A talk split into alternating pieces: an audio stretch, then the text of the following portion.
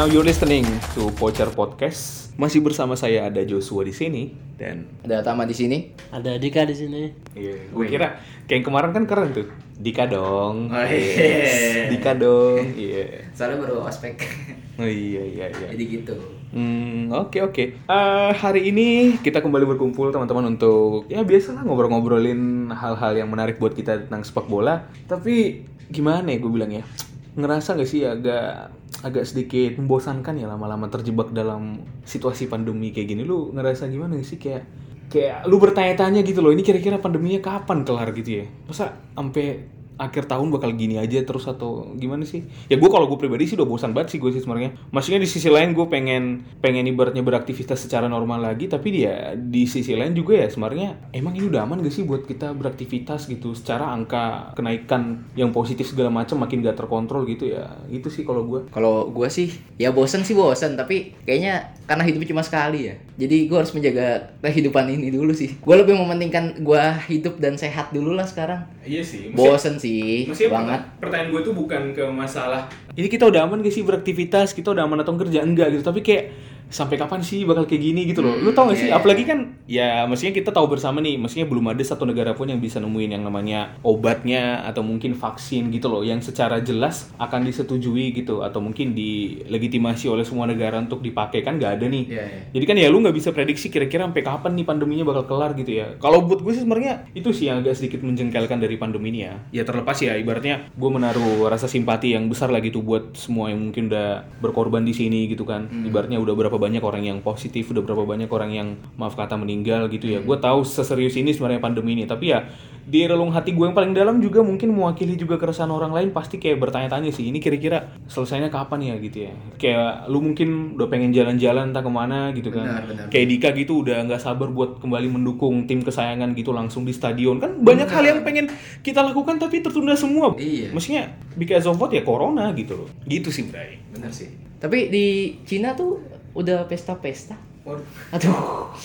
Padahal Cina, tapi Cina ini Jos, kalau nyebarin sesuatu, itu pasti jadi langsung worldwide gitu loh. iya sih Lu lihat dari semua muanya kayak eh, produk-produk semuanya hampir made in China. Yes. Terus COVID made in China juga. Apakah itu karena emang populasinya Cina yang besar banget sebagai negara dengan jumlah penduduk terbanyak di dunia?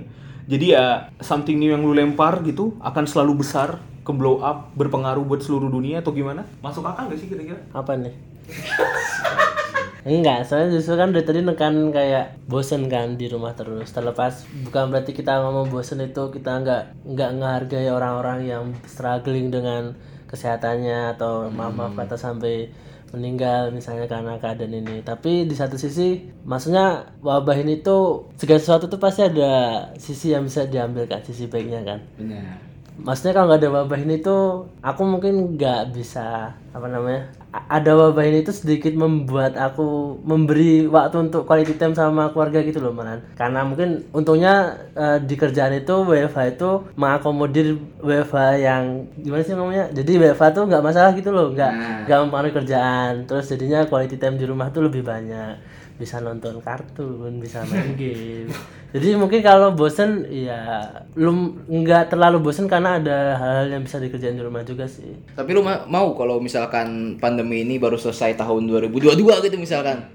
Kalau gaji masih masuk sih nggak apa-apa aku sih.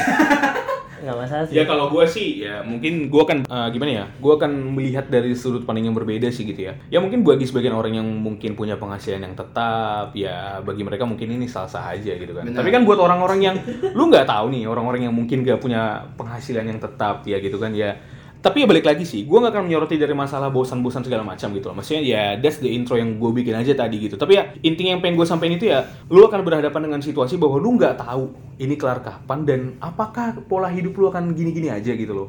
Kalau gue sendiri ya, gue jujur ya ngerasa aneh gak sih kayak contoh nih, ibaratnya lu bilang aja contoh eh, lapar deh gitu, ibaratnya lu lapar segala macam gitu ya, lu butuh makan gini. Tapi ya ternyata lu nggak tahu gitu loh, makanan yang disediain ke lu ini kira-kira Higienis nggak? higienis atau enggak enggak, udah expired atau enggak. Benar. Tapi cuma dengan dalih makan aja. Lu makan aja ini ya pasti lu bakal kenyang. Ya iya gue kenyang, tapi kalau ke depannya juga gue sakit atau gue gimana gitu ya maksudnya ya gue lebih bertanya-tanya sih kira-kira kapan sih ini bakal kelar gitu ya. Karena ya buat gue kehidupan normal itu ya jauh lebih indah lah kalau buat gue sih ya. Benar. Meskipun ya gue tahu ya, maksudnya ya setiap orang punya pendapat pribadi lah soal Benar, ini. benar, benar. Gitu sih kalau gua.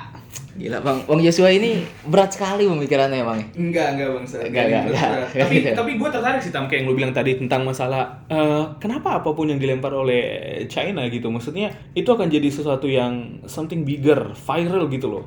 Apa kira-kira yang jadi pertanyaan besarnya gitu loh? Dan gue nggak mungkin ini khususnya buat sepak bola sih ya. Iya. Ya kalau gue pribadi sih sebenarnya ya kita sepakat ya nih bertiga nih sebelum kita record nih. Nah. Yang pengen kita bahas dari sepak bola yang terjadi sekarang khususnya tentang yang viral dan apabila itu dikaitkan sama Cina ya pasti tentang eksodus besar-besaran Liga Cina nggak sih kalau menurut lo? Benar. Karena buat gue ini ini jadi satu hal yang lumayan menarik sih karena buat gua apa yang dilakukan Cina di sini sebenarnya terobosan yang bagus tapi di sisi lain ya gue mempertanyakan kira-kira ini bakal mujarab gak sih dipakai apakah emang Cina ntar tiba-tiba bisa jadi kayak Korea Selatan gitu atau mungkin tiba-tiba kayak Prancis gitu juara Piala Dunia gitu kan ya agak-agak aneh jauh, sih ya kalau menurut kalian gimana? Ya kan sebenarnya Cina ini dari tahun mulai serius di sepak bola gitu ya. Karena emang diinstruksikan oleh presidennya juga sih si Xi Jinping di tahun 2000 2010-an awal atau 2011 2013 sekitar tahun-tahun segitu dia nginstruksiin kalau misalkan sepak bola di Cina itu emang harus dikembangkan. Jangan stuck di sini-sini aja karena kalau kita lihat ya, sepak bola Cina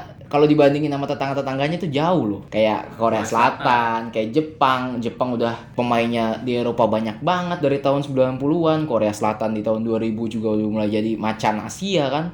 sampai peringkat empat kan di Piala Dunia kan Nah, Piala Dunia 2002 Nah, Piala Dunia terakhir yang diikuti oleh Cina juga itu tuh 2002 tuh. Nah, jadi sebenarnya langkah yang diambil oleh Cina untuk mendekor ulang lah ya, mendekor ulang si SL ini si Chinese Chinese Super League ya menurut gua merupakan langkah yang cukup bagus sih. Walaupun hal ini juga berimbas pada kurangnya kualitas dari timnasnya. Gak nutup kemungkinan kalau datang-datangnya datangnya para pemain asing itu ke Cina justru sedikit banyak menutup peluang dari para orang anak-anak Cina untuk ya berkembang lah hitungannya. Kalau lu gimana sih? Kalau aku lebih menyoroti ini sih, maksudnya hal apa yang mengawali Cina tuh terjadi seperti itu loh sepak bolanya gitu loh. Ternyata maksudnya setelah aku baca-baca tuh sebelumnya tuh Cina tuh sepak bolanya tuh nggak jauh-jauh dari suap, pengaturan skor, korupsi. Oh terasa familiar. Mau mau bilang gitu ya? Mau bilang gitu kan? Seperti di Vanuatu. Bahamas kalau gue. eh bukan bukan terakhir gue bilang negara Ahai. Oh. Kayaknya negara lain negara ini ya. Enggak enggak. Mana? Ah, Maladewa. Maladewa. Nggak, mungkin itu sih. Lebih concernnya maksudnya ketika pemerintahnya komit nih dalam artian Benar. sepak bolanya ini benar-benar nggak bersih. Emang harus benar-benar dibersihin dari korupsi, dari suap, pengaturan skor dan nggak cuman kalau masalah korupsi itu ya, maksudnya di Cina itu kan yang aku tahu dari Cina itu kalau misalnya terkait korupsi suap itu hukumannya bener-bener hukuman yang ngasih efek jerah nggak sih? Benar. bahkan kayak orang-orang kan selalu bilang kalau koruptor tuh kenapa nggak niru negara Cina sih dihukum mati, mati. sekalian gitu Iya. loh emang sekonsen itu kan masalahnya dan maksudnya oke kita kita bersihkan suap pengaturan skor lalu kita build up ulang nih liganya pembinaannya akademinya dan datangnya eksodus pemain itu sebenarnya kalau dilihat dari satu sisi pertama itu menurutku ya mungkin efek jeleknya itu kerasa itu di negara timnasnya itu sendiri misalnya. Kayak timnasnya jadi nggak berprestasi karena liganya diisi eksodus eksodus eksodus pemain asing kan. Tapi mungkin hal yang bisa ditangkap itu karena ini masih awal build up awal. Jadi Fase awal ya? fase awal maksudnya mau nggak mau emang yang di dijual itu gimana caranya sponsor masuk terus apa attentionnya tuh masuk ke Liga Cina semua gitu loh. Ya mau nggak mau mungkin caranya seperti itu. Selama nggak me- melupakan dari apa namanya pembinaan akademinya itu sendiri misalnya. Dan menurutku sah sah aja misalnya ada pemain pemain-pemain yang dibeli dengan harga sampai 70 juta euro cuk. Kayak ibaratnya tuh kayak tim Eropa beli pemain Eropa lainnya gitu loh. Iya, iya. seolah-olah udah kayak gitu kan. Tapi ya balik lagi mungkin supaya attentionnya masuk ke Cina semua terus nanti perlahan perlahan aku yakin deh sepak bola Cina itu pelan pelan tapi pasti pasti akan mulai menguasai Asia sih. Minimal Asia dulu deh Walaupun sekarang mungkin progresnya masih nggak kelihatan, terutama kalau di compare kayak sama Korsel apa Jepang kali ya. Iya. Menurutku sih gitu. Ya mungkin bisa jadi sih ya kayak gitu. Sebenarnya buat gue pribadi sebenarnya hal yang pengen gue sorotin tentang perkembangan sepak bola Cina ini, entah itu menyoroti masalah timnas kayak yang lu bilang, atau mungkin dari segi Liga Cina yang udah kita bahas tadi juga, sebenarnya yang menggelitik buat gue adalah uh, apakah cara instan yang ditempuh Cina ini sebenarnya nanti akan berhasil atau enggak? Karena uh, maksudnya sepengetahuan gue aja, maksudnya negara-negara yang emang pengen melakukan sebuah revolusi besar-besaran nih dalam dunia sepak bolanya, uh, menurut gue nggak ada yang sejor-joran Cina ini sih kalau buat gue ya. Iya. Artinya mereka akan fokus tentang gimana pembinaan dari akademi usia mudanya sendiri. Mereka akan fokus tentang gimana jangka 5, 10 atau bahkan 15 tahun ke depan gitu loh. Ya oke mungkin kita bicara masalah instan karena mungkin ya ini era globalisasi, udah modern segala macam ya. Ya keep moving forward with fast lah gitu. Lu harus ngeliat ke depan dengan cepat. Tapi ya buat gua dengan cara lu membangun liga dengan jor-joran seperti itu buat gua pribadi sih sebenarnya itu sah-sah aja tapi ya gua agak sedikit meragukan itu sih.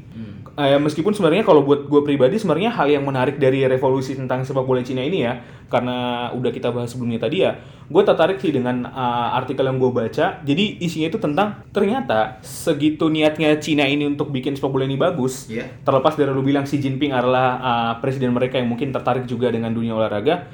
Buat gue pribadi sebenarnya karena ini jadi sebuah kurikulum pendidikan bro jadi yang gue tahu per 2016 Cina itu udah menjadikan sepak bola sebagai salah satu kurikulum wajib di pendidikan mereka Asik ya? Artinya, semua anak-anak di sana itu suka nggak suka, mau nggak mau, mereka harus belajar main bola. Nah, rewardnya seperti apa? Ini dikemas dalam bentuk ketika anak-anaknya nanti udah ingin melanjut ke pendidikan tinggi, perkuliahan ya kita bilang S1 segala macam mungkin kayak di Indonesia. Mereka akan melalui tahap yang namanya seleksi apalah kayak di Indonesia SBMPTN segala macam, tapi ada jalur prestasinya gitu loh. Jalur prestasinya apa? Ya ibaratnya bodo amat tentang masalah nilai-nilai eksak atau sosial segala macam. Yang penting lu jago main bola mungkin lu keren ngedribble lu jago masalah ah, passing lu bisa nyetak gol bagus dalam suatu pertandingan atau dalam suatu seleksinya nah dulu lu bisa milih PTN yang lu suka. Nah ini menurut gue yang menarik banget. Seserius itu gitu loh Cina untuk merencanakan ini. Nah tapi kan ketika gue ngelihat ternyata di Liga Cinanya mereka malah jor-joran dalam bursa transfer nangkapin semua orang yang penting mantan pemain bintang atau Ya. pemain Eropa atau pemain Amerika Latin ya ini kan jadi sedikit kontradiktif nggak sih dengan rencana mereka yang bikin seserius itu ternyata ya ditambahin dengan jor-joran ya itu sih kalau gue lihat kayaknya Cina ada something miss lah di sana kalau buat gue ya Iya iya iya benar sih. Jadi kalau misalkan itu rewardnya menarik banget loh kalau buat Yoi. di aplikasi Oke, di Indonesia sih? gitu kan. Apalagi Indonesia kan olahraganya nggak bagus-bagus banget. Bulu tangkis lumayan lah bro Bulu bulu tang Tapi di Indonesia sebenarnya ada kok beberapa sekolah yang nerapin kayak gitu. Enggak serius serius tuh. gue kira Iya, dia iya, mau iya. bilang olahraganya gitu Di Jogja di SMA aku di Jogja tuh kayak gitu. jalur prestasi gitu ya bro Jalur prestasi. Prestasi, Jadi iya, emang iya, maksudnya aku nggak tahu ya. Jadi pas aku masuk SMA itu sekolahku tuh ya sekolah negeri biasa. Hmm. Aku masuk 2009, 2010 tuh dibentuk kelas khusus olahraga di sekolahku. Jadi yang dari SMP berprestasi karena olahraganya masuk ke SMA aku tuh kayak kayaknya kalau nggak salah nggak merhatiin nilai akademisnya sama sekali gitu loh. Jadi maksudnya di Indonesia tuh iya ada juga, tapi mungkin implementasinya nggak maaf nih nggak sebagus ini atau apa karena mungkin proses di dalamnya tuh dia yang berubah jadi nakal atau gimana kan kita nggak tahu kan posisinya. Tapi kalau aku sebenarnya sedikit tetap kontra sama Joshua sih. Maksudnya dalam artian ketika misalnya eksodus pemain datang itu nggak bisa dipungkiri karena back- backgroundnya yang kayak gitu gitu loh. Sepak bola Cina yang kayak ditinggalkan sama penggemarnya penontonnya karena skandal yang sebesar itu mungkin kan di Cina kan kayak suap dan pengaturan skornya. Gimana caranya narik attention paling nggak masyarakatnya untuk nonton sepak bolanya itu sendiri gitu loh. Dan ada pihak apa namanya pemerintahnya nge ibaratnya kan nge- ngemaksa nih. Terus masuklah investor-investor yang mau nggak mau juga emang harus ikut berkontribusi kan. Mereka punya dana yang datengin pemain itu untuk at least pertama narik attention sponsorship itu tadi seperti yang aku tekanin. Habis itu masalah pembinaan tetap jalan. Ya buat aku selama mereka punya blueprint yang masih dijalanin tujuannya kayak gimana menurutku sah-sah aja sih nggak masalah. Bener sih bener-bener. Apalagi kalau lo lihat-lihat kan sebenarnya eh, klub-klub di Cina juga itu ya hitungannya adalah eh, anak-anak perusahaan lah kalau bisa kita bilang kayak gitu kan dari perusahaan-perusahaan besar di Cina juga jadi Alibaba kayaknya juga ada ada Iya, Alibaba juga termasuk yang invest di Guangzhou Evergrande. Jadi emang perputaran uang di sepak bola di Cina juga udah termasuk Iya. sangat kencang, makanya sampai Gojek lah gitu ya mungkin liga liga satu Gojek gitu ya iya. Kayak gitu ya Ah, iya benar. Nah, kenapa? Gak apa-apa. Keren, keren. That's nice. bro. Iya. Yoi. bisa dianterin kan jadinya. Ah, so nice di salah satu klub sepak bola kan. So nice Persela Lamongan gak sih? Persela Lamongan. Yoi, biasanya produk lokal ya. Produk lokal itu. Support tim lokal dong. Benar. Ya, Oke. Gojek sponsor kan jadinya driver bisa nonton gratis. Benar. Oh, iya, benar. Bagus dong. Bagus kan. Betul. Salah. Apa? Gak apa-apa, gak apa-apa. Masih mimik lo gak enak banget apa-apa, gak apa-apa. Gak apa-apa.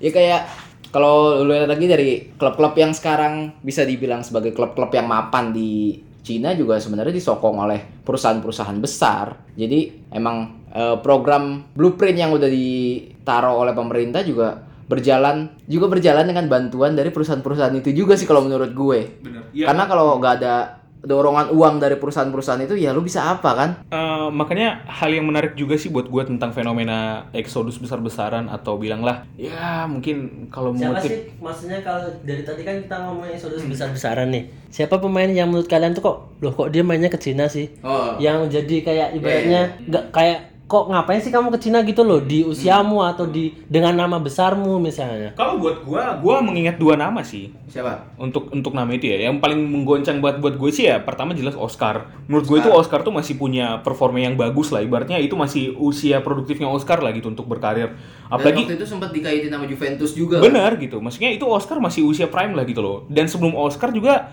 gue juga ingatnya ada Ezekiel Lavezzi sih Lavezzi itu menurut gue juga bukan bukan hitungan yang udah habis ya pada saat itu ya Iya. setahu gue malah itu masih dekat-dekatan sama rentang dia dipanggil timnas deh untuk main di Iya iya. iya. turnamen gue lupa ada apa Copa atau mungkin Piala Dunia maksudnya Copa Amerika. Iya itu usia 2016. isu usia produktif gitu loh menurut gua dan itu kan ya nggak bisa dipungkiri lah maksudnya terlepas kita mungkin suka tim yang berbeda atau mungkin suka liga yang berbeda ya siapa sih nggak kenal Oscar dan Lavezzi ya kan jadi ya mereka itu salah satu salah satu pemain penting lah di era mereka gitu itu sih kalau pertanyaan Dika tadi ya Kalau gue siapa ya? Kayak yang paling aneh sih menurut gue kayak Ani Carrasco gitu kan. Hmm, Ini Carrasco di- Nah. produktif banget kan Ya ini Carrasco. Apalagi habis dari champion. Kalau nggak salah Oh, dia iya, habis dari final benar, champion Benar, 2016 kan. Benar.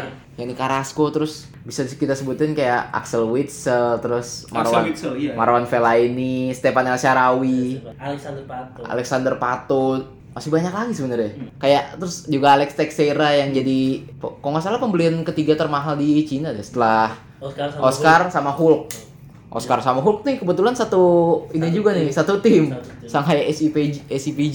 Yoi. Itu itu banyak banget tuh. Nah kalau gue sih sebenarnya pengen bertanya ke sini sih. Eh, tadi kan udah kita bahas tentang masalah orang-orangnya segala macam, terus kayak latar belakangnya. Nah kalau menurut lu nih, eh, lu udah sempat singgung nih masalah ya mungkin ada pengaruh korporasi lah gitu, yang mungkin ingin menjalankan blueprint dari pemerintah gitu. Nah tapi pertanyaan gue sebenarnya apakah perusahaan-perusahaan yang mendukung perkembangan atau revolusi sepak bola Cina ini sebenarnya emang mereka pegiat di olahraga nggak sih? Atau sebenarnya orang-orang yang mungkin ya udah gitu loh. Kayak lu punya Banyak duit. yang banyak aja lu pengen bakar aja di salah satu bidang. Apa nih yang tertarik kira-kira? Oh pemerintah mencanangkan sepak bola. Mari kita bakar duitnya di sepak bola. Nah apakah kira-kira kayak gitu? Atau memang apa tuh memang ternyata uh, si pemilik perusahaan ini emang ternyata ya kayak uh, almarhum Vichai-nya Thailand gitu yang pengen olahraga banget di Yang Leicester bener gitu kan? Ya nggak ada yang tahu kan Atau lu mungkin itu tahu nggak sih kira-kira hidup orang Cina kita nggak ada yang tahu kan? apa tuh Kenapa? Enggak, karena kalau aku kecil itu Iya. tauku orang ma- maaf ini bukan maksudnya rasis atau gimana ya. Iya. Orang Cina tuh kalau misalnya dikasih pilihan gitu loh. Dirimu tuh mau sekolah atau mau dagang. Kalau misalnya mau dagang aku kasih duit, tapi nggak usah sekolah. Tapi kalau misalnya mau sekolah, sekolah yang benar. Jangan main-main gitu loh. Maksudku mungkin kalau dibilang ngapain sih ini sekalian jawab pertanyaan Joshua ya. Ngapain sih investor ini buang-buang uang? Apakah uangnya kan balik misalnya dengan jor-jorannya dia misalnya. Kan asumsi kita investasi pasti balik kan mau uang yang kita investasiin kan. Atau mungkin itu emang sekomitmen gitu, itu gitu loh mereka sebagai populasi negara Cina sebagai rakyat Chinese gitu loh. Kalau misalnya pemerintahnya bilang ah kamu kalian semua yang punya duit harus investasi gini-gini kalian harus berkontribusi buat negara. Entah CSR kayak bentuknya atau apa pun itu itu ada peraturannya ada regulasinya mungkin mereka semua nurut jadinya. Terlepas mereka sebenarnya nggak nggak seneng atau atau rugi di posisi itu mungkin aja Berarti- bisa kayak gitu kan Berarti intinya ya, kalau dari statement lu ya bisa dibilang belum tentu dong. Mereka itu emang pengen bener-bener mensukseskan Iya. revolusinya. Bisa jadi emang karena terikat masalah paksaan paksaan pemerintah, regulasi, regulasi, CSR kayak yang lu bilang gitu kan. Nah mungkin ya itu juga sih buat gue juga sedikit ya jadi semacam link yang miss lah kalau buat gue sih dalam revolusi yang mereka bikin ya. Artinya ya ketika ketika emang pemerintah pengen bikin kayak gitu ya buat gue mah nggak ada yang lebih baik dari emang mereka pengen, pengen beneran ya benerin iya secara bener-bener sih kalau gue ya gimana sih? maksudnya dari passionnya gitu ya Yoi, bukan gue ya. dipaksa gitu Iya, ya maksudnya gue juga, gue juga nggak- nggak meyakini semua perusahaan yang emang pengen ibaratnya ya ibaratnya kayak di Indonesia lah perusahaan-perusahaan yang banyak nih jadi sponsor-sponsor klub-klub di Indonesia apakah emang mereka menaruh concern khusus buat sepak bola Ah. gue nggak yakin soal Iya, itu iya. tapi kan ya ketika mereka kok kayaknya bertahan terus ya ini ya kok perusahaan ini kayaknya terus untuk support uh, tim ini ya gitu ya berarti kan kurang lebih mereka emang pengen lihat bahwa tim ini punya perkembangan yang bagus kan Hmm. buat ke depannya gitu ya mungkin oke lah let's say gue harus bilang contoh kayak Indofood di Bali United contohnya gue nggak tahu nih entah apa yang terjadi di belakang atau gimana di lilian mereka tapi buat gue kan uh, Indofood tuh udah termasuk lama ya jadi sponsornya Bali United Dari At- awal? iya sampai akhirnya Bali United bisa juara ya Iya. kita oke kita abaikan semua faktor yang mungkin ya apalah ibarat segala macam spekulasi yang terjadi tapi buat gua itu salah satu bukti bahwa nggak melulu perusahaan olahraga yang harus support tim olahraga perusahaan ibaratnya food and beverage juga bisa tapi ternyata ya mereka bertahan di sana berarti kan mereka ya melihat ada value yang sama dengan timnya itu sih kalau gue sih Hmm. Ya ya. ya. Jadi kalau dari beberapa artikel yang gue baca, sebenarnya ada eh, satu perusahaan si Wanda, Wanda yang punya Moro yang bukan bukan Wanda Nara. Wanda yang invest di Atletico juga, yang jadi nama stadionnya Atletico sekarang, Wanda Metropolitano itu. Wanda Metropolitano Iya, Wanda ini jadi dia invest tapi bukan di satu klub, dia invest justru di pembinaan usia muda. Jadi kalau buat gua Cek, bentar. Nah. Kalau pembinaan usia muda tuh bukannya concernnya akan ke satu klub ya? Atau enggak pembinaan usia muda secara general di Cina. Oh. Jadi ya ibaratnya lu kayak Bikin SSB gitu Ah. ya, kasarnya gitu kayak gitu. benar. Iya. Tapi kalau dari sebuah jurnal yang gue baca dari punyanya si siapa nih? John Connell. waduh siapa nih Judulnya itu Globalization, Soft Power and the Rise of John Football in China. Jadi Yang main Terminator. berat ah, itu si John itu siapa ya? John kok. Ih, kira pertanyaannya taunya cuma Arnold doang kan? Iya. Terminator Enggak, apa? bukan, bukan lakon aslinya, ininya yang ditipu. Iya, tahu. Iya tahu, gitu tahu, ya. iya. Kita Terminator taunya Arnold aja. Tontonan lu udah Dia robot kan. Hasta la vista baby. Weh. Kalau itu omongannya. Oh gitu. Jadi di jurnalnya ini disebutin kalau misalkan eh, perusahaan-perusahaan ini sebenarnya bukan emang pure cinta di sepak bola tapi karena emang mereka ingin mendapatkan suatu keistimewaan dari pemerintah karena mengembangkan sepak bola ini adalah usaha dari pemerintah. Kewajiban kasarnya. Iya, jadi kayak mereka ingin dekat dengan pemerintah karena ya kita tahu sendiri kalau Cina itu masih sentralistik, masih satu Satu suara. komando lah hitungannya kan. Jadi mereka ini pengen deket biar mereka mungkin Enggak. ujung-ujungnya agak mendapat keuntungan Cina lah, lah, lah. enggak berbeda-beda tapi satu jua gitu, Pak. Bukan. Oh, itu bukan. itu Indonesia banget loh. Berbeda-beda tapi satu jua. Nah, ini menurut gua sebuah Berbeda-beda tapi satu Jawa. itu sensor tuh. Itu suara teman-teman kupangku di timur biasanya. Oh, iya. Enggak enggak sensor goblok itu. Oh, emang teman lu banyak di Kupang Tik? Banyak temanku. Teman apa? Teman maksudnya di di Ah, ah, enggak iya, jadi. tidak akan saya sensor. Edit sendiri kalau mau nyensor. nah, ini menurut gua sebuah hal yang menarik karena di medio 2010 2010-an ini ya kita bisa bilang kalau ada negara-negara yang mulai concern ke sepak bola. Selain Cina, kita juga bisa sebutin kayak Amerika Serikat dengan MLS-nya kan. Hmm. Tapi kalau gue lihat sekarang, justru arah dari Chinese Super League itu justru lebih positif daripada MLS. Karena pemain-pemain yang datang ke Chinese Super League ini juga bukan pemain-pemain yang ibaratnya masanya tuh udah habis. Bukan pemain-pemain kayak contohnya yang paling baru lah Inter Miami datangin Blaise Matuidi sama Gonzalo Higuain yang sudah 30 something Iya. udah 30 udah tua lah hitungannya udah uzur. Nah, tapi kalau di Cina, justru pemain-pemain yang datang itu masih pemain-pemain yang di usia prime-nya gitu. Oke. Yang di usia peak-nya sampai ya itu dari tahun 2016 loh kayak Oscar, Ramirez, Paulinho dan satu hal yang perlu digarisbawahi adalah setelah mereka dari Cina, mereka masih bisa mengembangkan karir di Eropa lagi loh. Iya, iya. Itu menurut gua hal yang agak sulit didapatkan kalau misalkan lo udah main di MLS. Benar-benar. Menurut lo gimana nih? Ya bener sih. Kadang kadang mindset untuk main di Amerika atau main mungkin di liga liga-liga lain yang bukan top Eropa lah. Hmm. Itu kan kayak semacam udah ada mindset bahwa ya Pensiun udah ya. bener ini kompetisi yang ibaratnya ya buat menghabisin masa tua lah gitu loh. Ibaratnya ngabisin masa tua tapi tetap punya gaji gitu ibaratnya. Hmm. Dan gaji yang banyak. Masa tua udah habis terus dapat gaji yang banyak. Eh, Ya kurang lebih kayak gitulah. Iya. Ya, itu tujuannya. Nabung kan, nabung. Nabung di Iya. MLS kayak gitu. pensiunan dapat pensiunan kan Iya. Iya. Tapi ini belum pensiun toh, Dik. apa Belum pensiun Belum tapi sebenarnya udah masih tetap punya gaji, berkarir gitu. Iya. Iya. Kadang juga mungkin di klub itu cuma mungkin brand doang kali ya. Maksudnya buat jadi brand ambassador klub doang, nggak main. Kayak Tevez gitu ya Iya, kayak Tevez. Tevez kayak tuh kalau nggak salah dia pas dia datang ke dia kan dari Juve balik ke Boca Dari Boca ya. Terus dia ke Cina bentar Ke Cina, kan. iya. Posisi pas di Cina itu dia jadi pemain dengan gaji Dengan tertinggi, gaji se- tertinggi. sedunia, Sedunia. posisinya Betul. dan Gila, gila. cuma semusim gitu loh. Main juga cuma berapa match, ngegolin cuma berapa. Hmm. Habis itu balik lagi. Emang cuma ngeruk duit doang kalau Tevez tuh emang kayak ya iya sih.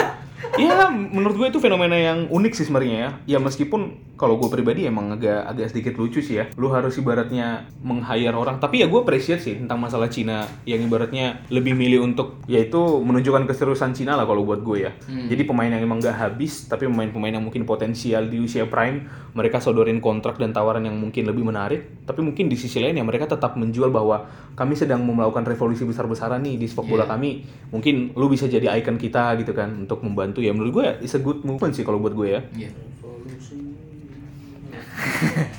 Ini pertanyaan terakhir mungkin dari gue. Apakah seorang pemain datang ke Cina karena hanya karena uang atau ada hal lain yang ingin dikejar? Coba. Kalau pepatahnya tadi lu bilang apa? Kejarlah uang sampai negeri Cina. Waduh. Waduh. Padahal Eh, tadi Dika bilang gak gitu loh. Dika bilang gimana sih? Tuntutlah ilmu sampai ke negeri Cina. Oh, aku dapat pepatah itu dari kakak tingkat online, ospek online semua. belajar deh, makanya belajar Belajarlah sampai ke negeri Cina. Oh, iya iya iya iya. Boleh boleh boleh. Jadi gimana? Ini pemain-pemain ini cuma nyari uang untuk agar pensiunnya itu enak atau gimana? Atau emang ah saya ingin menjadi raja di Cina? Ah kan nggak ada yang tahu. Ya, Kalau lu gimana? Gak tahu sih, buat gue ya, gue gue tetap menyoroti ini dari perspektif gue di awal sih, karena kalau buat gue pribadi sebenarnya, ah langkah yang dibikin Cina ini sebenarnya langkah yang bagus kalau buat gue. Tapi mungkin ah, permasalahan yang mungkin gue lihat di sini adalah tentang eksekusinya sih kalau menurut gue kurang pas ya. Iya. Oke, ah, I mean let's say lah, kita contoh akan bikin komparasinya di Belgia contohnya. Setahu gua, Belgia itu sebelum era 2000-an, itu Belgia itu ya kita nggak bisa bilang Belgia itu negara Eropa yang bagus sepak bolanya bro. Benar. Belgia itu adalah tim yang menurut gua negara yang biasa aja lah dari kultur sepak bola. Gak ada pemain yang terlalu gimana banget. Kompetisinya Belgia juga ya, lu bakal ngeliat ya Anderlecht, RC Geng yang gitu-gitu aja lah maksudnya. Iya. Klub-klub eh, tempat inilah tempat buang hajatnya klub-klub besar lah 8-0, 4-0 gitu-gitu kalau di Liga Champions kan. Iya. Nah, tapi ternyata di era 2000-an ternyata eh, federasi sepak bolanya Belgia itu merancang sesuatu hal yang besar gitu loh di mana mereka memproyeksikan 5, 10 atau bahkan 20 tahun lagi pembinaan akademi muda itu jadi salah satu ibaratnya senjata utama mereka lah. Dan ternyata berhasil. dan ternyata berhasil gitu loh. Artinya ya gue lebih menyoroti tentang masalah uh, oke gue percaya bahwa ibaratnya pengaruh uang sekarang ini akan menentukan jalan dari industri sepak bola. Itu gue percaya banget. Itu terbukti gitu loh. Apalagi gue sebagai uh, pendukung tim yang emang ya ibaratnya jor-joran lah duitnya gitu loh terkenal Iya. duit duitnya banyak gitu loh nah gue paham bahwa uang sepenting itu tapi buat gue untuk membangun iklim yang baik buat negara ataupun liga gak bisa semata emang masalah duit sih. Emang harus bisa melihat apa yang dikerjakan Belgia gitu loh. Sampai akhirnya lu bisa lihat bahwa prestasi Belgia sih setahu gue di Euro 2016 kalau nggak salah ya. Iya. di kualifikasi mereka sa- yang paling cepat gitu loh untuk memastikan mereka lolos gitu loh ke Euronya gitu. Dan sampai yang terbaru ya mereka di Piala Dunia 2018 ya mereka bisa Semifinal. semifinal, gitu.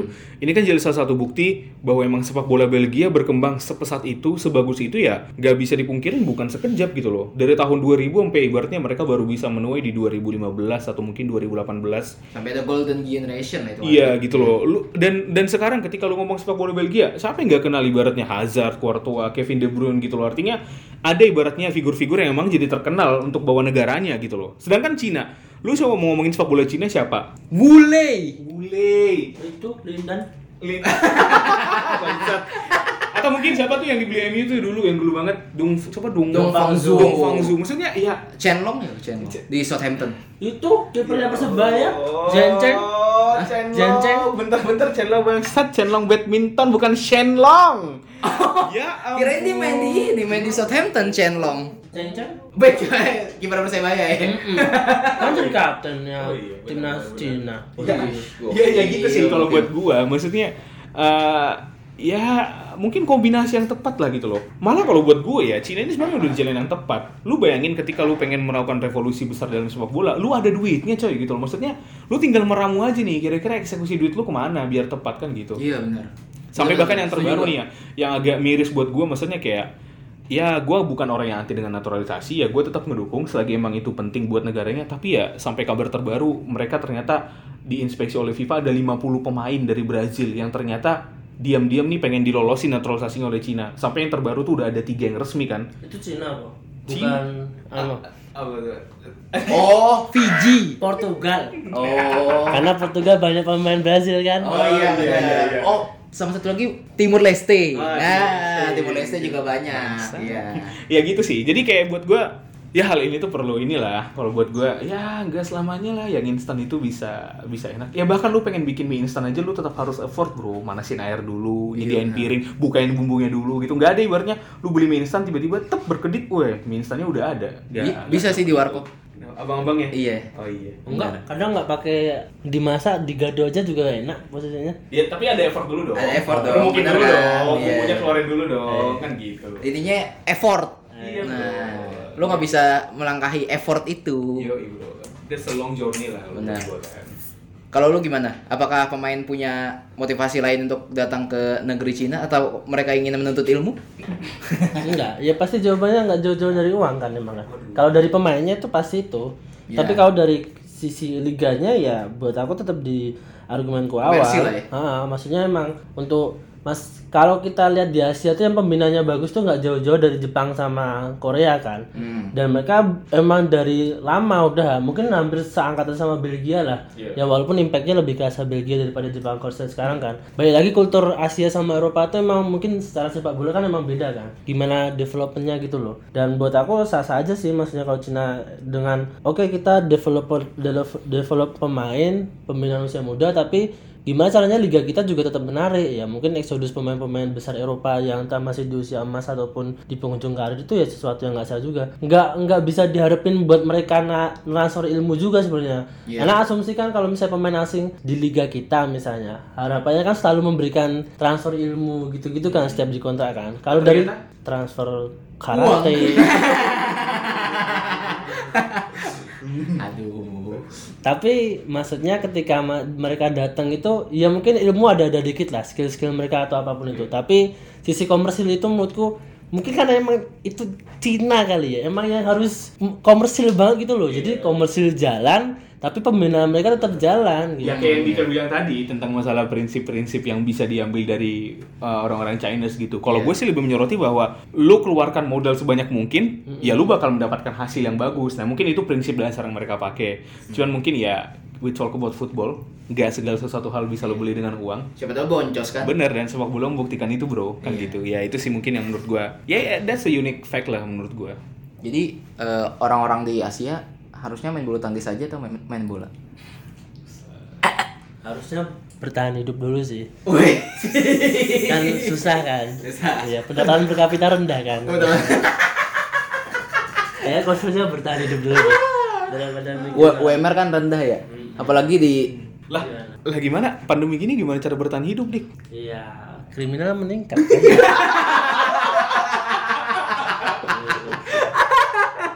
Loh tapi kan untuk situasi seperti ini kan kita susah nih buat bertahan hidup. Pemerintah gimana nih? Harusnya kan pemerintah bisa memberikan bantuan apa gimana di kira-kira Mention dong pemerintahnya siapa kalau pemerintah Bahamas gitu. Iya. Atau pemerintah Ahai gitu turun untuk memberikan bantuan Iya, gitu dong. pemerintah Kepulauan Solomon.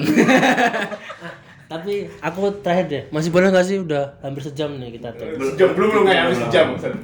Iya, padahal dulu kita kita terakhir. awal-awal tag sejam gitu loh, nggak masalah. Sekarang kasih waktu kayak Oke gitu. sejam nih kita nih. enggak, enggak, enggak. Kenapa? apa. Enggak, soalnya teman kita ada yang capek ngedit Jos. Jadi kerjaannya kan mulai banyak. Oh. kebagi ngedit-ngedit tempat lain mungkin Oh, Ini- iya. Soalnya gue bingung nih, soalnya gue bantuin. Santai. Gua, ini gua- bisa diikat. gue udah diikat. gue udah bantuin ngedit juga sebenarnya dik. Makanya gue bingung kalau dia masih ngerasa capek, apa ada yang beda ya?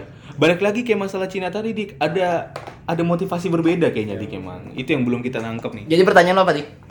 oh pertanyaanku kalau apa yang dilakuin Cina itu diterapin di Indonesia menurut kalian bisa nggak sih karena penting sih pertanyaan ini sebenarnya. Kita tuh sama Cina katakanlah kita tuh sama-sama penduduknya banyak.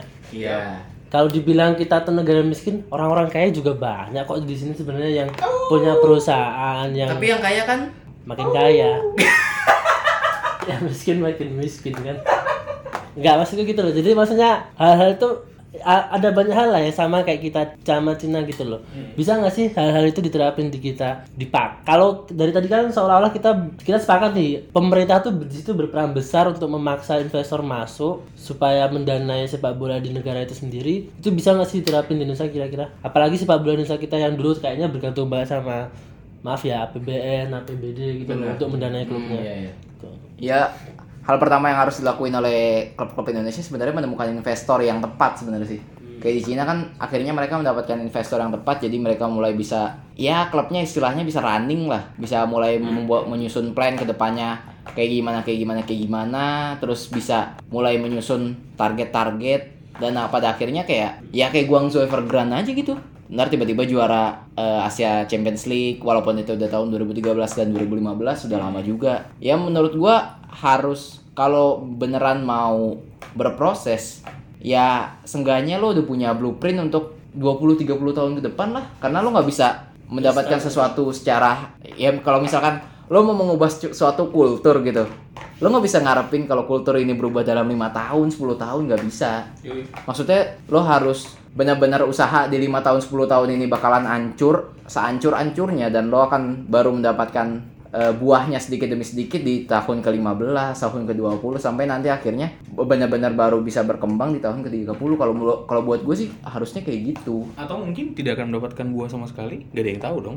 Siapa tahu ternyata nggak berhasil, ya nggak semua plan dong bisa berhasil, ya nggak sih? Bener sih. Yoi. Tapi seenggaknya kan udah Oh, oh sebagai Berusaha gitu loh. Berusaha gitu loh, berikhtiar. Bener. Ya kan. Karena- tawakal. Karena ya gitu dik, maksudnya banyak orang yang juga di luar sana berusaha di untuk mungkin mengubah hidupnya jadi lebih baik, tapi ya nggak bisa juga gitu loh. Maksudnya nggak selamanya juga kan. Hmm. Ya maksudnya kalau emang situasinya nggak memungkinkan Arahnya gitu ke mana kan. nih? Apa? Arahnya ke mana nih? Takdir bro, takdir tuh menentukan jalan hidup manusia gitu. Takdir yang dibikin siapa? Sultan Takdir. siapa itu? Sultan Takdir Ali Syahbana. Ya ampun, ampun. Sul- Penyair di sini. Bener-bener. Aku pikir itu sultan yang di Brunei nama-namanya kayak gitu kan. Enggak. Kalau lu gimana, Jos? Apakah applicable gitu yang udah diterapin di Cina terus diterapin di Indonesia juga? Hmm, menurut gue sih sebenarnya kalau bicara masalah populasi ya oke applicable. Ngelihat orang-orang kaya di Indonesia juga banyak startupnya Indonesia juga lumayan ya ini bukan satu hal yang sebenarnya nggak mungkin sih. Niscaya lah bisa terjadi di Indonesia. But yang Topet paling- lah ya berarti mulai. ya nggak tahu gue nggak nggak tahu juga ya sial Eh, Kopi? Ya, itu. Kan Topet mulai aja dulu. Ya Apa? Gojek dong bro, shout out to Gojek dong juga. Oh iya, Salah shout out to satu- Gojek iya. benar. Gojek aplikasi karya negeri. Yo, eh. Nah, jadi ya kalau buat gue itu mungkin, tapi ya balik lagi ya, aduh, gue agak sedikit risky sih ngomongin ini. Tapi banyak, menurut gue ya harus ada hmm, perubahan lah di federasi. Federasi itu penting buat gue ya. Selagi mungkin federasi kan ibaratnya corongnya lah ya, ya kan. Ibaratnya pintu utama lah mungkin. Pintu utama tuh penting lah menentukan kira-kira. Balik lagi kalau duitnya banyak, orang-orangnya niat tapi ya nggak dinaungi oleh federasi yang bagus ya. Menurut gue itu penting ya buat gue. Ya gue berharap lah gitu. Ya gitu, agak sedikit gimana gitu ya ngomonginnya ya. Lu sih, Federasi. Ya oke mungkin itu aja ya untuk untuk hari ini. Ya semoga kami bertiga? Masa udahan? udah lumayan ini Dik, udah lebih 30 menit. Ya 41 menit udah berapa lah ya? Iya. Ya kami berharap juga ya obrolan ini bisa menginspirasi kami khususnya ya untuk bisa menuntut Menginspirasi kami. Iya dong, menuntut ilmu sampai negeri Cina, Bro. Bener. Yo, iya. Lu nggak mau S2 di Cina atau di Hong Kong atau mau di Australia? Australia. Hah? Mau di Aku Australia. juga mau. Jangan dong, kan kita ngomongin Cina tadi. Oh iya benar. Yo, Ya, mungkin itu aja ya. Nggak, nggak usah lagi ya ditambah-tambahin ini ya. Eh. Udah itu aja ya. Oke, oke itu aja mungkin untuk hari ini. Pocal sign out. Ciao.